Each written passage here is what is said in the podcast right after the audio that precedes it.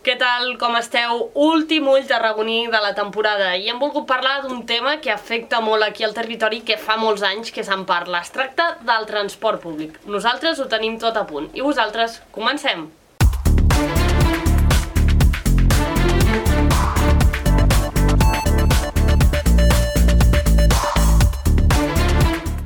El transport públic al Camp de Tarragona és una problemàtica que es parla des de fa anys. Cal destacar que és l'única capital de demarcació catalana que no té l'alta velocitat al centre de la ciutat. Els autobusos també tenen diferents problemàtiques i avui, precisament, en volem parlar amb dues persones que l'han d'utilitzar d'una forma relativament freqüent, el transport públic. Una d'elles és l'Àlvaro Rodríguez, que ja està abonat aquí a l'Ull Tarragoní, eh, periodista de Ràdio Ciutat. Ja no li direm becari, vinga, periodista de Ràdio Ciutat. Bon dia, Àlvaro. Bon dia. Segon cap de setmana seguit, eh? Eh, Segon cap de setmana. Em pagaran per això, no pateixis. I també l'altre és el Lucas Lojo, que és de Galícia, no, Lucas? Hola, buen día. Sí, soy un estudiante de Reus que vive en Tarragona y que soy gallego y vive aquí. Estudiante de Reus, que vius a Tarragona, o sigui, has d'anar a Reus quasi cada dia. Sí, eh, con el tema de la presencialidad no tanto, pero soy, vamos, un, un gran usuario del transporte público eh, no urbano, vamos. I què tal això d'haver d'anar de Tarragona a Reus? Eh, bueno, es bastante problemático porque los horarios no se cumplen a rajatabla y dependiendo del día, pues puedes estar desde un cuarto de hora hasta casi una hora esperando por el bus y la verdad es que, vamos, no, no está del todo bien comunicado. I amb el tema tren t'ho has plantejat mai o ja no, ni t'ho planteges? El tren no me lo planteo porque desde el campus de Belisens está en la parte sur, la estación de, de Reus está en la parte norte, o sea que sería muy, muy lento. Y vamos, me, me- me transporto en bus y, y la verdad es que no estoy del todo, del todo contento. Ara en seguirem parlant. I Álvaro, tu, quan has d'anar al teu poble, que digues on és, És a la Huesca, prop de Barbastro. a prop de Barbastro, quanta estona tardes? Pues lo que sería un trayecto de, en cotxe una hora 45, eh, tardo més de 3 hores perfectament, perquè de fer transport a Lleida i les combinacions, eh, no sé com estan dissenyades, estan dissenyades perquè t'hagis de quedar mínim una hora a Lleida. O sigui, tu d'aquí a Tarragona a Lleida, si vas en bus o en tren o amb el que vagis, després has d'estar una hora mínima allí tirat a l'estació. Una hora ja perdut, tant si fas bus com si fas tren. L'únic que algun cop et surt un BlaBlaCar que coincideix una mica més, però el que és transport públic d'aquí de la ciutat és una mica desastrós per anar allà dalt.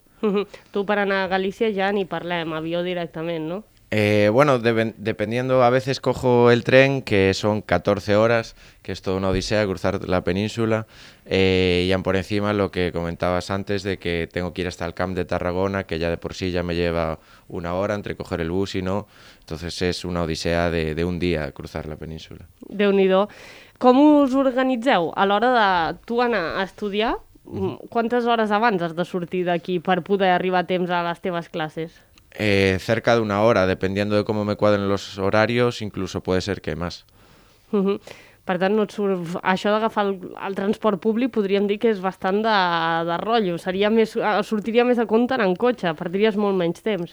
Claro, el, el tema es que pierdes una hora al día en ir y dependiendo de cómo te cuadre el final de la clase, otra hora al volver. Entonces, eh, diariamente partas con una situación de desigualdad con otros compañeros que tienen coche y que las instituciones deberían de favorecerte, vamos, intentar ayudarte en perder el menor tiempo posible.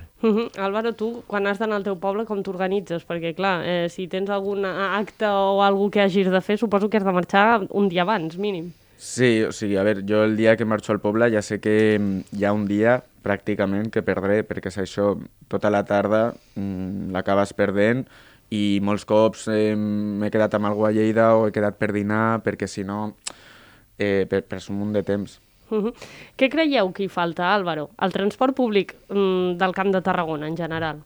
Bueno, jo crec que el, el apunt més gran l'has fet tu al principi, que és el, el tema de l'estació, o sigui, Camp de Tarragona està una mica lluny i, i ja si has de fer algun transport de mitja llarga distància, perds molt temps anant a, a Camp de Tarragona. Has d'agafar un bus o agafar taxis, que no són precisament baratos, perquè els busos sí que és veritat que passen amb freqüència, però hi ha cops que et quadren fatal i t'has d'estar mitja hora esperant allà. Mhm.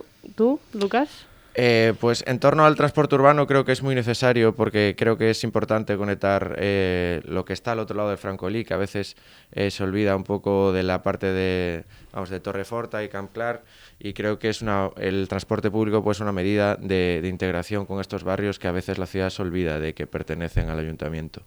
Y luego en torno al transporte con Reus, creo que debería haber buses con mayor frecuencia y, y, que cumplan sobre todo los horarios, porque a veces te vienen tres seguidos que no tienen ningún sentido y luego durante una hora no te viene ninguno. Uh -huh.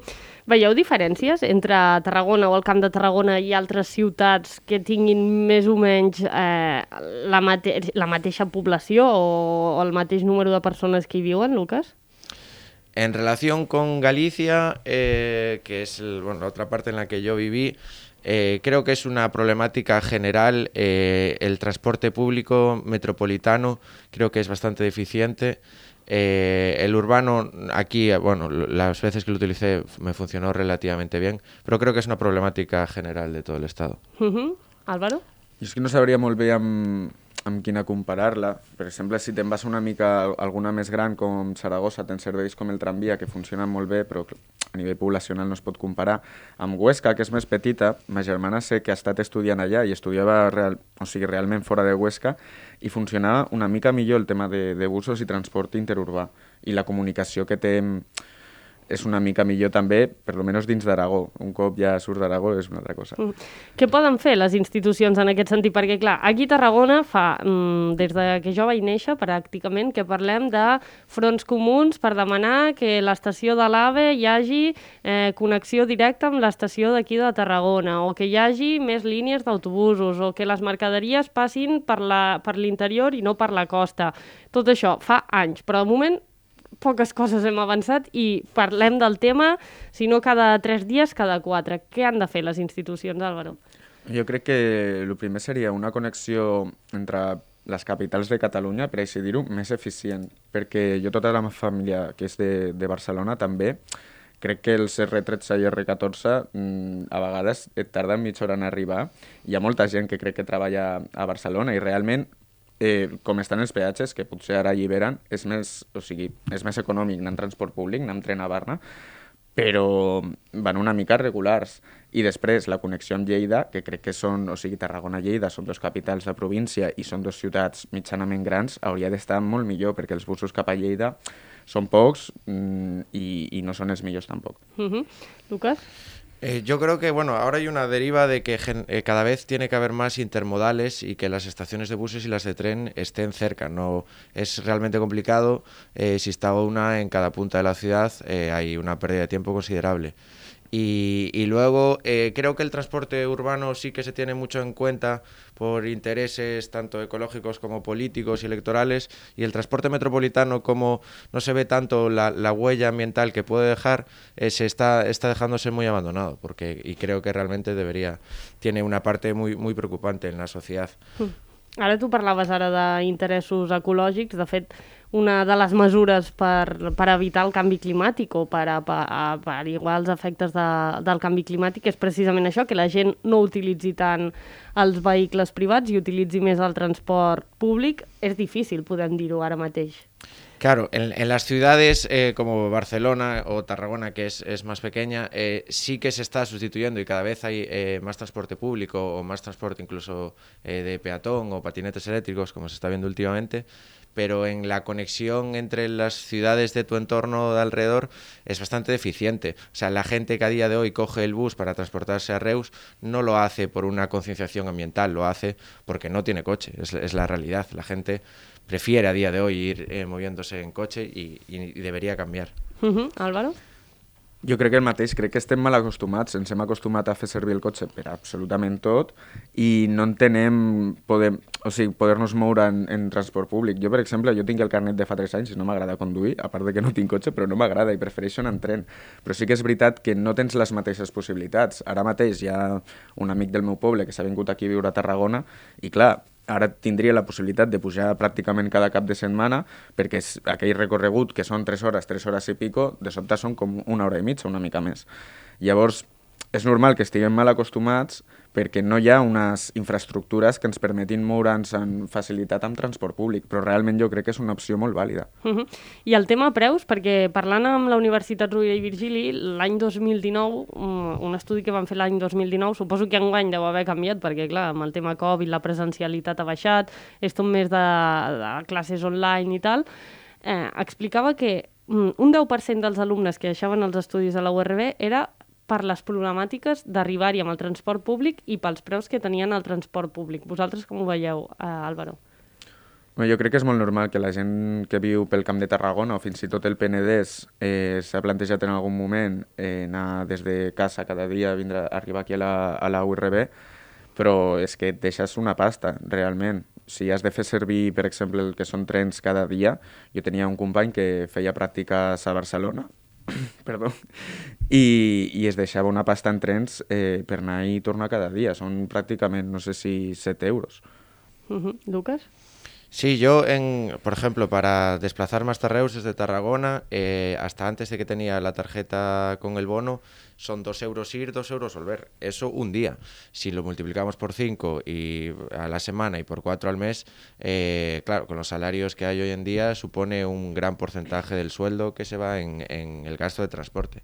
Entonces, eh, vamos, invito a las instituciones públicas y a la universidad que aumente las becas de transporte y que facilite al estudiantado que se mueva en estos medios de transporte, porque si no, es muy triste que la gente eh, pueda ser algo a tener muy en cuenta para abandonar la carrera, que sea el, el, lo que tú inviertes en el transporte, que debe ser un derecho.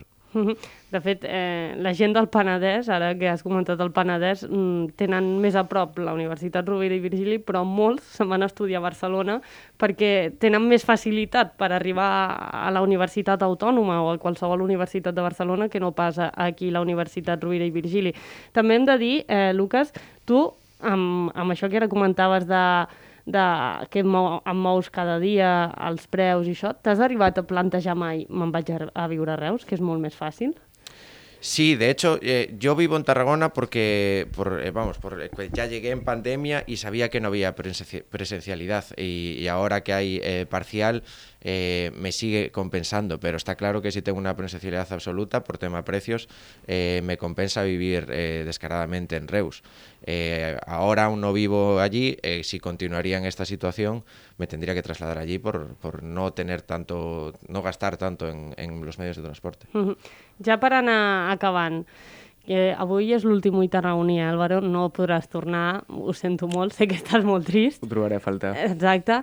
Ja per anar acabant, vinga, va. Eh, com veieu el futur?